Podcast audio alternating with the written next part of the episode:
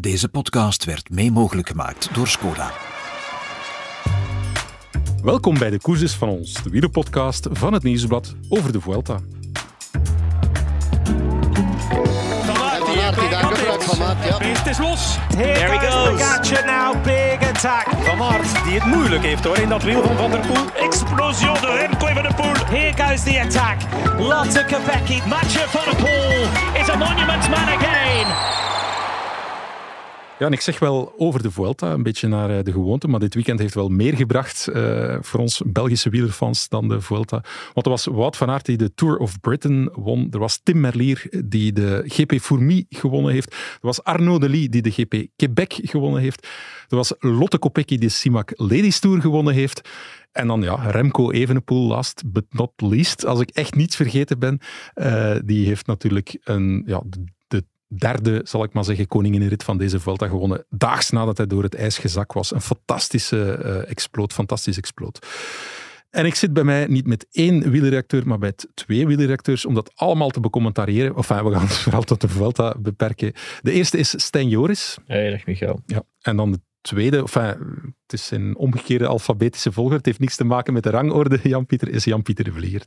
Dag Michael, dag Stijn. Ja. Goed, ja, laten we beginnen met de hoofdbrok natuurlijk, hè, want dit is onze Vuelta-podcast, zal ik maar zeggen. Eh, we hebben natuurlijk een podcast opgenomen, Jan-Pieter, eh, na de Tourmalet, op het moment dat eh, Remco Evenepoel door het ijs gezak was. En ik was toch wel blij eigenlijk om achteraf vast te stellen dat wij niet door het ijs gezak waren in onze conclusies, zal ik maar zeggen. We hebben natuurlijk heel veel slagen om de arm gehouden van wat er aan de hand kon zijn. Ziekte, ja, dat kunnen we nu wel uitsluiten, denk ik, na dit weekend, wat hij allemaal nog gepresteerd heeft. Ziekte die zou doorbreken eventueel nog. Maar ja, wat weten we nog sinds, ehm, sinds de Tourmalet? Wat is er nog allemaal eh, te berde gekomen van mogelijke verklaringen? Of mogelijke zaken die het zeker en vast niet zijn. En zit er een beetje een teneur in, in ja, wat nu de eensluidende conclusie is? Want ja, zeker weten we het helemaal niet. Uh, nee, maar zoals dat je aanhaalt, uh, ziek zeker niet. Uh, daarvoor was zijn voorbije weekend een beetje te indrukwekkend. Ehm, maar we vroegen ons af, als, we, als hij de eerste keer in beeld kwam op de Obisque, van haalt hij het einde van de etappe wel? Ondertussen is toch die teneur 100% gekeerd en zien we ja, weer Evenepoel die op de top van zijn kunnen aan het, aan het fietsen is. Dus waar komt dan die ene off-day vandaan? De denkpistes die hij zelf naar voren brengt zijn een beetje dezelfde als degene die wij vrijdag hadden. Uh, hij haalt aan van ja, die rit van vrijdag kwam er na drie dagen met een zeer beperkte uh, belasting. Mm. Want er was de rustdag geweest op maandag, dan uh, op dinsdag de tijdrit, dan een soort snipperdag in het peloton, ehm, ook een, een sprint-etappe waar het peloton het heel, heel rustig aandeed. Dus ja, om vanuit die uh, beperkte workload naar plots de Obisque te gaan, dat zou misschien op de benen kunnen gespeeld hebben. Uh, dus dat was een van de ideeën die hij had. Een ander idee was misschien dat er uh, dit jaar gewoon te veel verschillende doelen ja. geweest zijn. Hij had in het voorjaar Luik, dan de Giro, het uh, BK dat hij wilde winnen. Uh, die Giro was dan in het water gevallen, dus dan heeft hij daar de Vuelta aangehangen, maar daarvoor zat dan eigenlijk het WK tijdrijden. Dus ja, dat was veel, veel ja. hooi op de vork, uh, sportief of mentaal. En misschien dat uh, dat ergens uh, in de knoop geslaan is allemaal. Ja, als je het puur in, in koersdagen bekijkt, dan is het niet uitzonderlijk het seizoen dat, dat Remco rijdt, Stijn. Maar ja, jij had het daar in onze voorbereiding over van, ja, je moet vooral daar niet naar kijken, maar wat hij gedaan heeft in die koersdagen. En dat is wel verschillend van andere renners die in deze Vuelta wel voor de eindzege meespelen. Ja, hij pakt elke koers. Hij heeft toch de meeste. Misschien San Juan in heel het begin van het jaar niet. Hij pakt elke koers aan om te winnen of om, om iets neer te zetten ook. En hij pakt er dan ook nog eens die eendagswedstrijden mee. Hij gaat straks nog Lombardije doen. Hij heeft Luik gedaan. Hij heeft de uh, San Sebastian meegepakt. En ik hoor toch altijd in uh, de ploegen dat zo'n eendagswedstrijd, dat dat fysiek uh, enorm veel meer vergt van een renner dan een rittenwedstrijd van zeven dagen waarin zeven ritten gereden worden. Uh, die, die, allee, die impact is minder groot. Plus dat je dan ook nog eens hebt dat, dat hij dat echt mentaal ook als een doel gaat beschouwen. Hmm. Uh, zoals we gezegd hebben, Vingegaard en, en zo, die mannen rijden in, precies, in principe evenveel dagen per jaar, of zelfs meer, dan Remco. Eh, maar die zit je niet in eendagswedstrijden. De enige die ik mij voor de geest kan halen is de grote Pres de Nij die ze vorig jaar reden.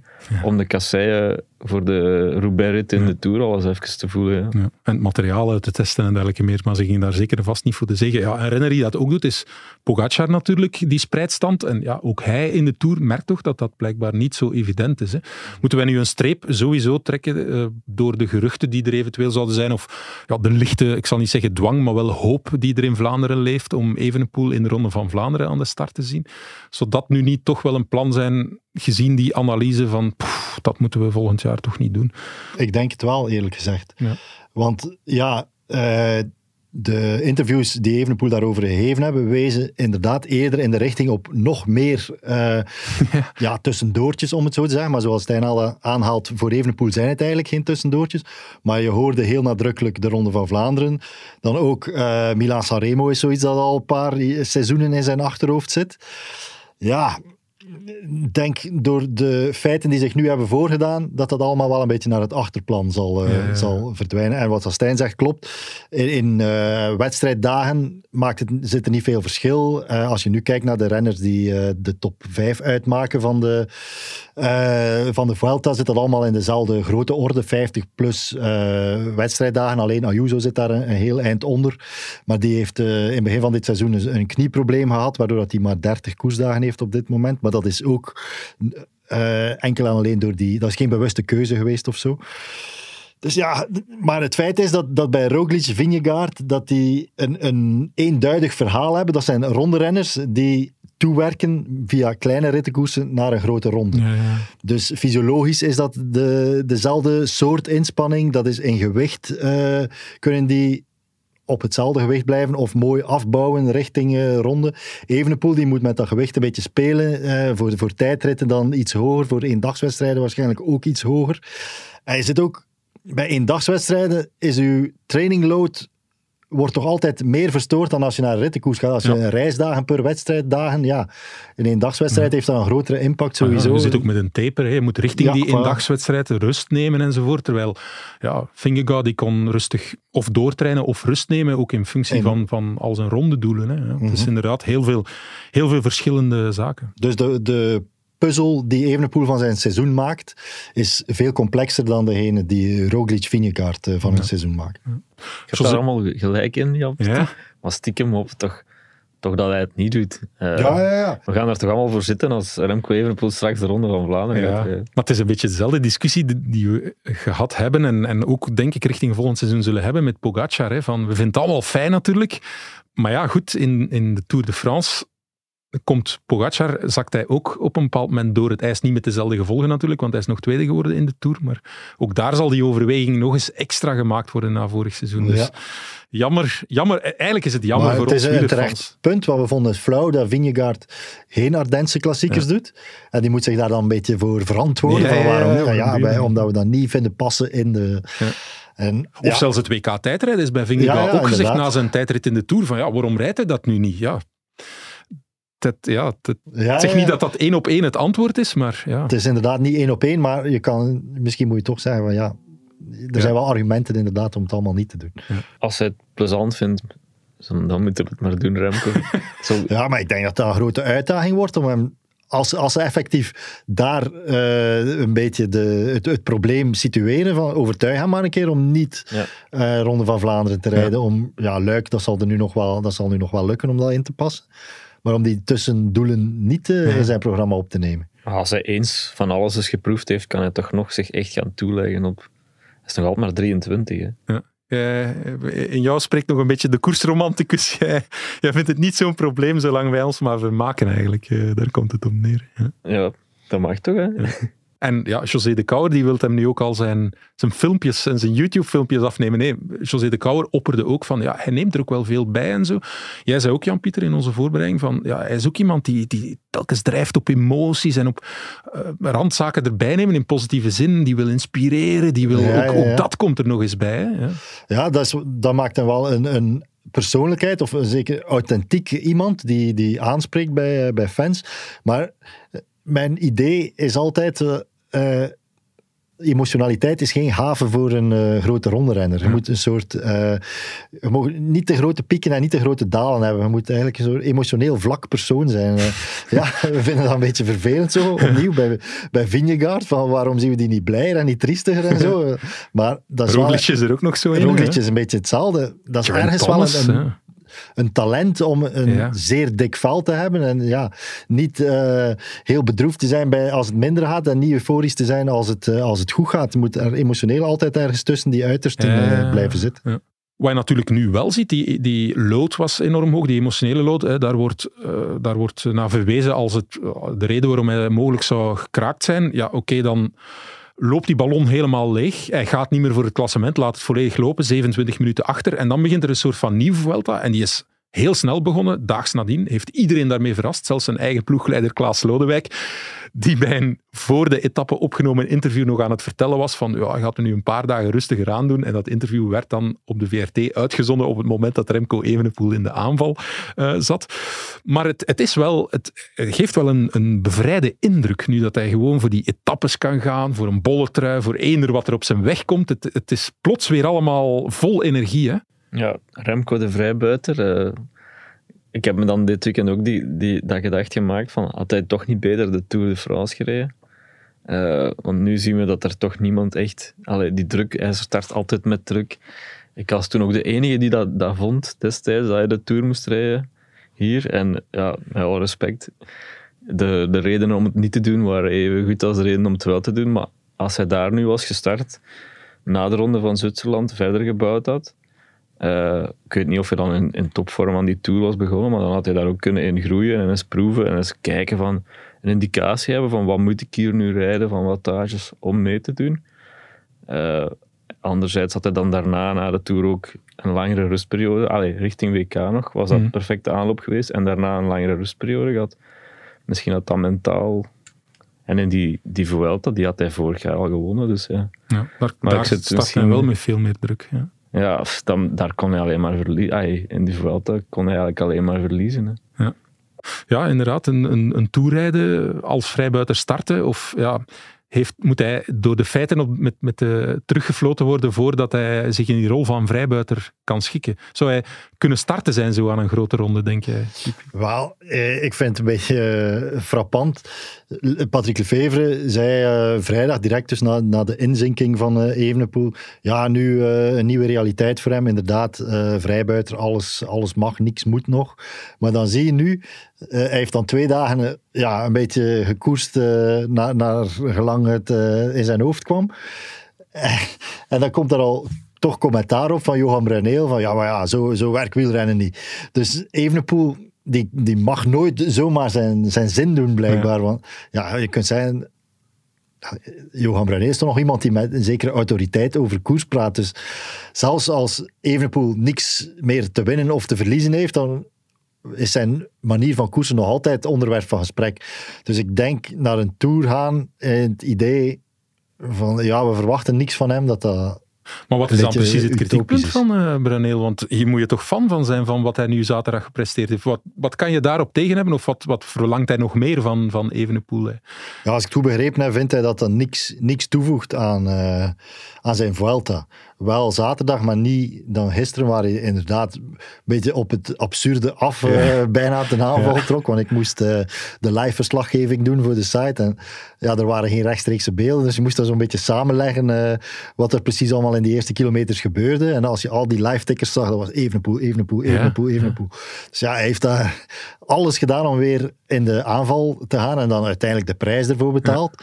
Maar om daar iets negatiefs van te maken, dat vind ik toch ook wel Ja, ja. sterk om dat nu, nu na twee dagen al, eh, al te doen.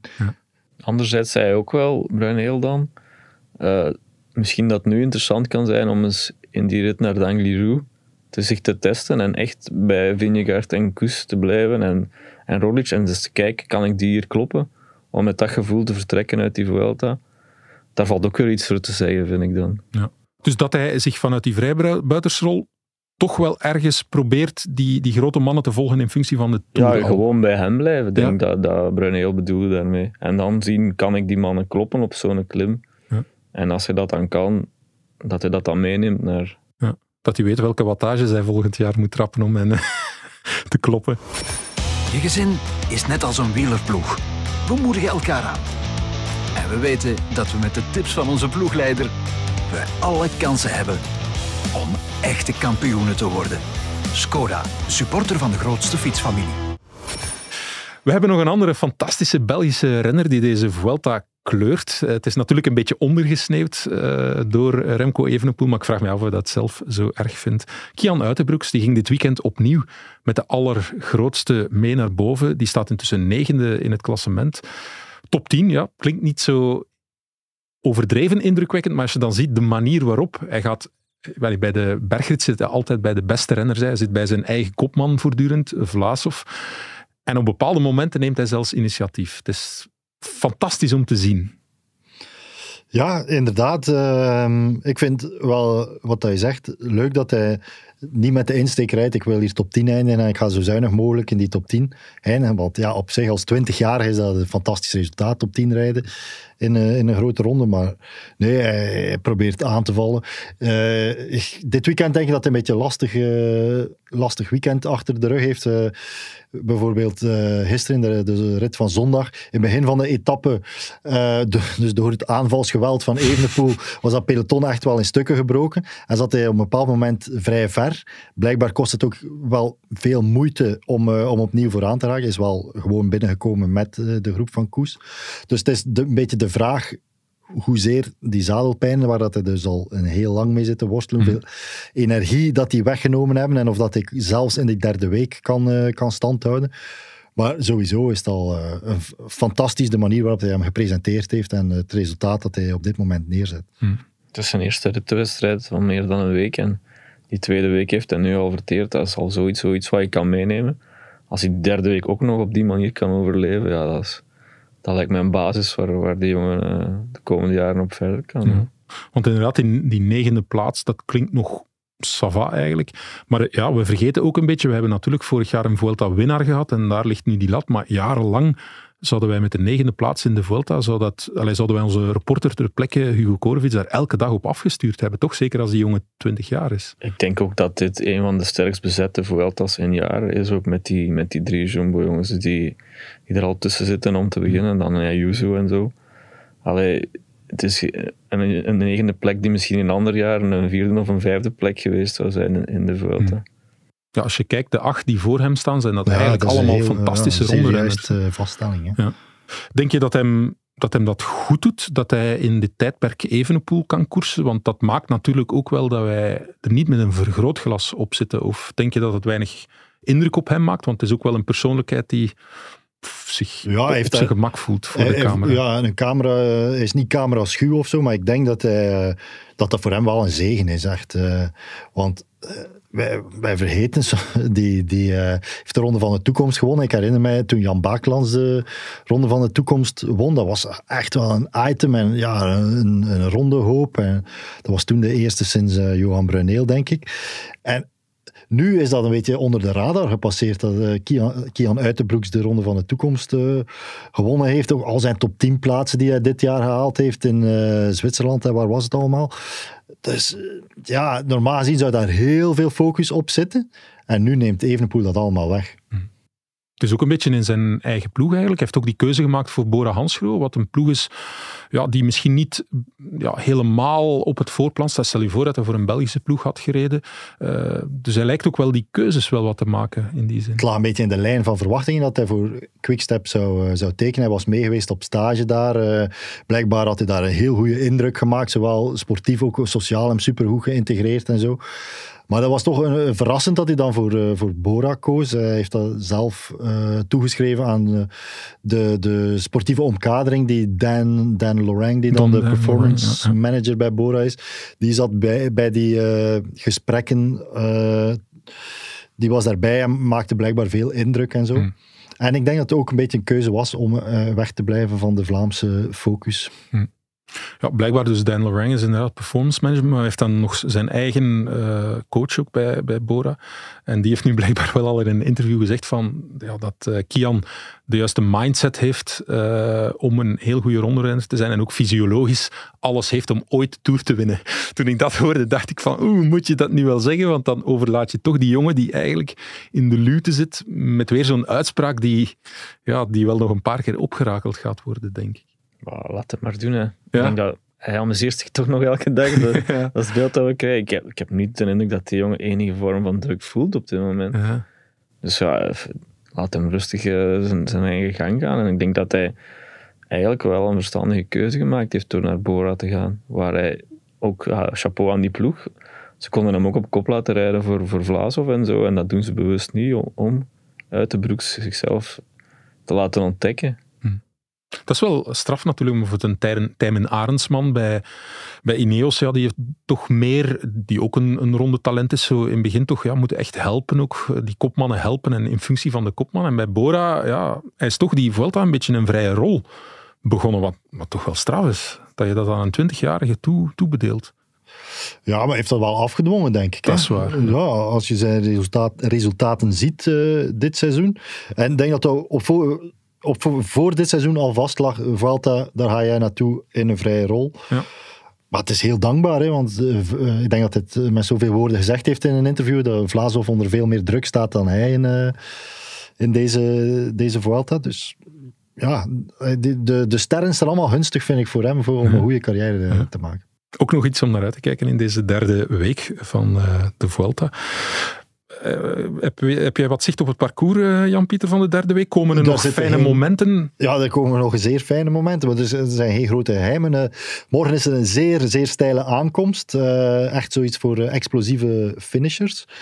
En woensdag is er dan de grote etappe naar de Angliru, waar we allemaal naar uitkeken met ja, stijgingspercentages boven de 20 voor kilometers lang.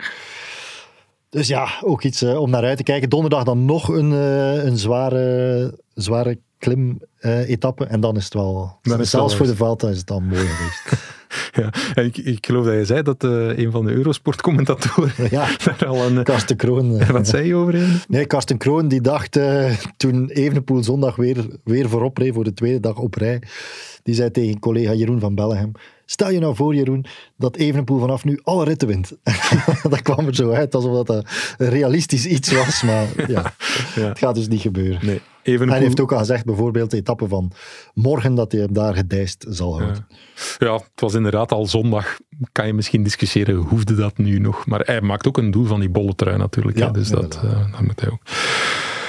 Ja, en dan en al dat moois dat zich dit weekend uh, afgespeeld heeft. We kunnen het niet allemaal becommentariëren, maar we gaan toch een klein zijstapje maken. En dat zijstapje is naar Canada, ook een heel mooi land uh, waar er ook flink geklommen kan worden en eigenlijk een beetje allerlei parcoursen. En daar heeft een Belg ook fantastisch mooie dingen laten zien in die twee koersen. Je hebt de GP Quebec, ja, die een, een stadsparcours is met een lastige, uh, lastige sprintfinish, zal ik maar zeggen. En dan heb je de GP Montreal, die echt veel meer klimmen is, heel veel hoogtemeters. En wie is de man die we daar gezien hebben, Stijn? Ja, vrijdag al. Het is misschien een wedstrijd, was vrij laat aankomst uh, in België toch? Uh, de spurt van Arnaud Delis daar was bijzonder indrukwekkend. Ik val misschien een beetje uit mijn rol als journalist, maar ik was toch even recht gaan staan toen ik hem zag komen op tv. En nog wat dichter bij de tv gekropen. ja, dat was ongezien. En ja, ik, ik zag er ook... Victor Kampenaert zei ook dat hij de wattages die hij getrapt heeft online gezet had op Strava dan. En dat was blijkbaar 1185 gemiddeld of zo. De ja. ja, ja van Arnaud de tijdens die spurt. Maar wat misschien nog, nog meer indrukwekkend was, was hoe hij gisteren in die, die grote prijs van Montreal, een wedstrijd met meer dan 5000 hoogtemeters, tekeer ging, in de aanval ging terug opgeraapt werd, moest lossen en nog twee keer terugkwam om dan nog eens een keer uh, zo half sprongje te wagen. Dat was echt ongezien op het moment. Hij lost daar in de laatste ronde pas, denk ik op, iets meer dan 10 kilometer van de finish. En dan ziet je hem lossen en meteen na hem loste Hindley, Healy, uh, Bilbao zat daar ook, denk ik. Die namen, dat, eigenlijk hoort Daar Arno de Lee niet in dat lijstje tussen. En, allee, hoe hij, hij is nog echt met zijn hart aan het koersen, koersen op dit moment. Als die jongen nog iets meer zijn verstand gaat gebruiken en nog iets rustiger kan blijven zitten, ja, de progressiemarge lijkt me nog enorm. Ja, Lotte Destiny heeft er ook eh, zwaar op ingezet. Hè. eh, een contractverlenging. Er wordt ook gezegd dat ze van fietssponsor eh, wisselen om dat mede te bekostigen. Dus ja, ze hebben het wel door. Hè. Maar dit was ook zijn eerste World Tour koers. Dus die stap hogerop moet hij nog zetten en is hij aan het zetten. Ja, ik denk dat iedereen wel dacht dat hij, dat, eh, dat hij die stap zou zetten. Dat het bijna toevallig was. Omdat hij volgens mij niet superveel eh haalbare World Tour wedstrijden eh, gereden, gereden heeft. Dus ja, dat is niet, niet, niet echt een verrassing dat hij het ook op World Tour niveau kan. Maar het is, het is ook weer iets dat je niet meer... Een opmerking die je niet meer kan maken bij hem. Van ja, maar hij heeft nog niet op het allerhoogste niveau. Ja. Hij heeft het nu, nu wel gedaan. En inderdaad, ja, zoals dat Stijn beschrijft, op een eh, zeer, zeer indrukwekkende manier ook. Die, die sprinting in Quebec, eh, hoe, hoe dat hij er ook maar in gelooft dat dat nog, eh, nog kan. eh, Ja, want hij is al onwaarschijnlijk ver. Hè. ja. Ja. Maar ja, ik vond het eh, echt eh, straf. Zelfs Alain Philippe eh, kon het niet geloven. Hè. Op een bepaald moment komt hij terug aansluiten bij de kopgroep in die, die zondagswedstrijd in Montreal. ja. En je ziet Alain Philippe zo naar rechts kijken van wie komt mij hier nu weer bij. En, en op dat moment schudt hij zo bijna met zijn hoofd, wat komt die hier nog terug doen? Maar het is een beetje de rode draad in de uitzending. Zo. Minder, hij moet minder met zijn hart en meer met zijn verstand eh Ja, ja. koers. Dat is, dat is iets dat je wel al lang hoort over hem. hè. Ik weet, Greg van Avermaat, ik, ik weet niet meer precies welke race dat was, maar ik denk eh, Van Men of zoiets, dat ook vond van hoeveel kopwerk doet hij nu eigenlijk en hoeveel Ja, rijdt hij in de wind en zo. En moest hij zuinig rijden? Welke wedstrijden zou hij niet allemaal winnen? Het is toch inderdaad, ja, terechte opmerking, de rode draad bij Evenepoel ook zo van, ja, we vinden het allemaal geweldig natuurlijk, maar als je dat echt wil vertalen in een palmares, dan, dan moet hij dat misschien wel wat bedwingen. Het deed mij ook wel wat denken aan, aan Van Aert, in de zin van eh, De Lee, zeker in Montreal, met die 5000 plus hoogtemeters die je zegt. En als je dan ook ziet welke renners daar eh, rondom hem allemaal eh, rijden, Yates, Adam Yates, die de koers ook wint, voor... ehm, Sivak. Sivakov, ja, dat zijn rondrenners, lichtgewichten enzovoort. Dus in die zin, Van Aert doet dat ook. Namelijk, hij is de enige tussen allemaal andere types, allemaal veel lichtgewichten, die zich daar staande had. En ja, bij de Lee in Montreal was dat eigenlijk ook zo. Hè, want ja, de Lee is niet bepaald een type rondrenner of lichtgewicht. Hè. Ja. Nee, maar hij is ook nog altijd maar 21. Hij laat die 21. jongen echt rustig ontdekken en doen waar hij vooral zin in heeft. En begin hem daarna meer en meer naar dat wetenschappelijk te duwen, om hem nog niet eh, vanaf dag één in een soort van harnas te duwen. La- laat hem echt... Allee, laat ze met Lotto Destiny vooral doen wat ze willen. Ja. Maar, maar voor ons is het gewoon weer genieten van die Ja. kerel. En volgend jaar ja, zal hij een grote ronde rijden. Dat is het plan blijkbaar. Ja, En oké. Tour is niet uitgesloten. Voilà, ja. Het zal van het parcours afhangen, zei hij. Ja. Ja, ik denk het. Want eh, het vreemde is wel, hij heeft eh Parijs-Nice gereden, dacht ik. Eh, en ja, daar is het een beetje tegengevallen. Hè. De spurts eh, lieten zich altijd wat wegzetten en dergelijke meer. Dus ja. hij Ja, heeft precies toch wel die lastiger spurt nodig. Hè. Ik kan me, niet- ja, dat zegt hij ook naar de Tour toe. Hè. Hij zegt van, ja, als het allemaal vlakke spurts blijven te zijn, blijken te zijn, Ja. dan ga ik misschien liever niet naar de Tour. Dat zei hij in een interview, denk ik, bij Maarten. Hè. Ja, ja, Maarten Delvaux, onze man eh, ter plekke, die dat allemaal live heeft mogen aanschouwen. Voilà. Ja, zijn, zijn topspeed is niet, eh, nog niet in- op hetzelfde niveau als de topsprinters van, eh, van dit moment. Maar inderdaad, vanaf dat een beetje omhoog gaat of zeer lastige Ja. wedstrijd geweest is, een selectieve wedstrijd, dan... eh, En dat zijn wel aankomsten die populair zijn tegenwoordig in grote rondes. Toch? In elke grote ronde Ja, zit er wel één of zeker, twee van ja. dergelijke... maar het is vooral de, de vlakke sprintetappes die niet populair zijn. Ja. Ja, oké. Goed, ja, eh, dit seizoen zal de renner van het seizoen, als we dan aan onze Flandrien eh, denken, Remco Evenepoel zijn. Maar voor volgend seizoen lijkt dat nog niet zomaar eh, beslist als ik dit hele lijstje hoor. Ja.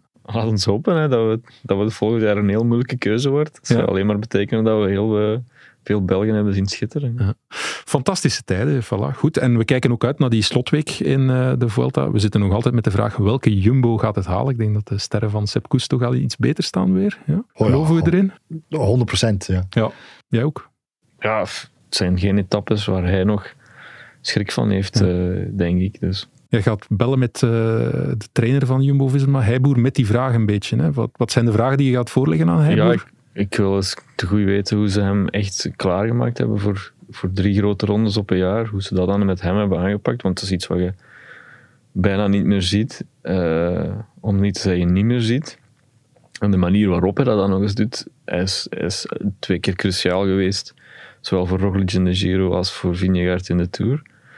En nu eh staat hem zelf op, eh, op eindwinst eigenlijk bijna. Dus ja, Ja. bijzonder strafnummer toch. Zeer straf, inderdaad. Ja, Adam Hansen die deed drie rondes rijden, maar dat was natuurlijk ja, als helper. Hè.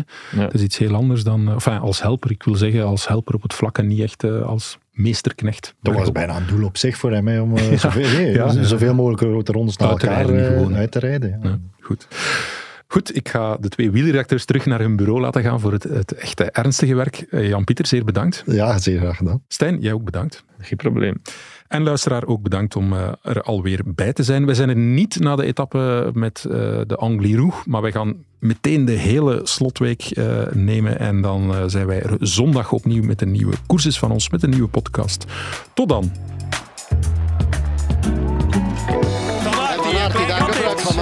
Het is los. Here There he goes goes. Pogacar now, big attack. Van Aert, die het moeilijk heeft hoor in dat wiel van Van der Poel. Explosie de Remco van der Poel. Here goes the attack. Lotte Kopecky. Mathieu van der Poel is a monument man again.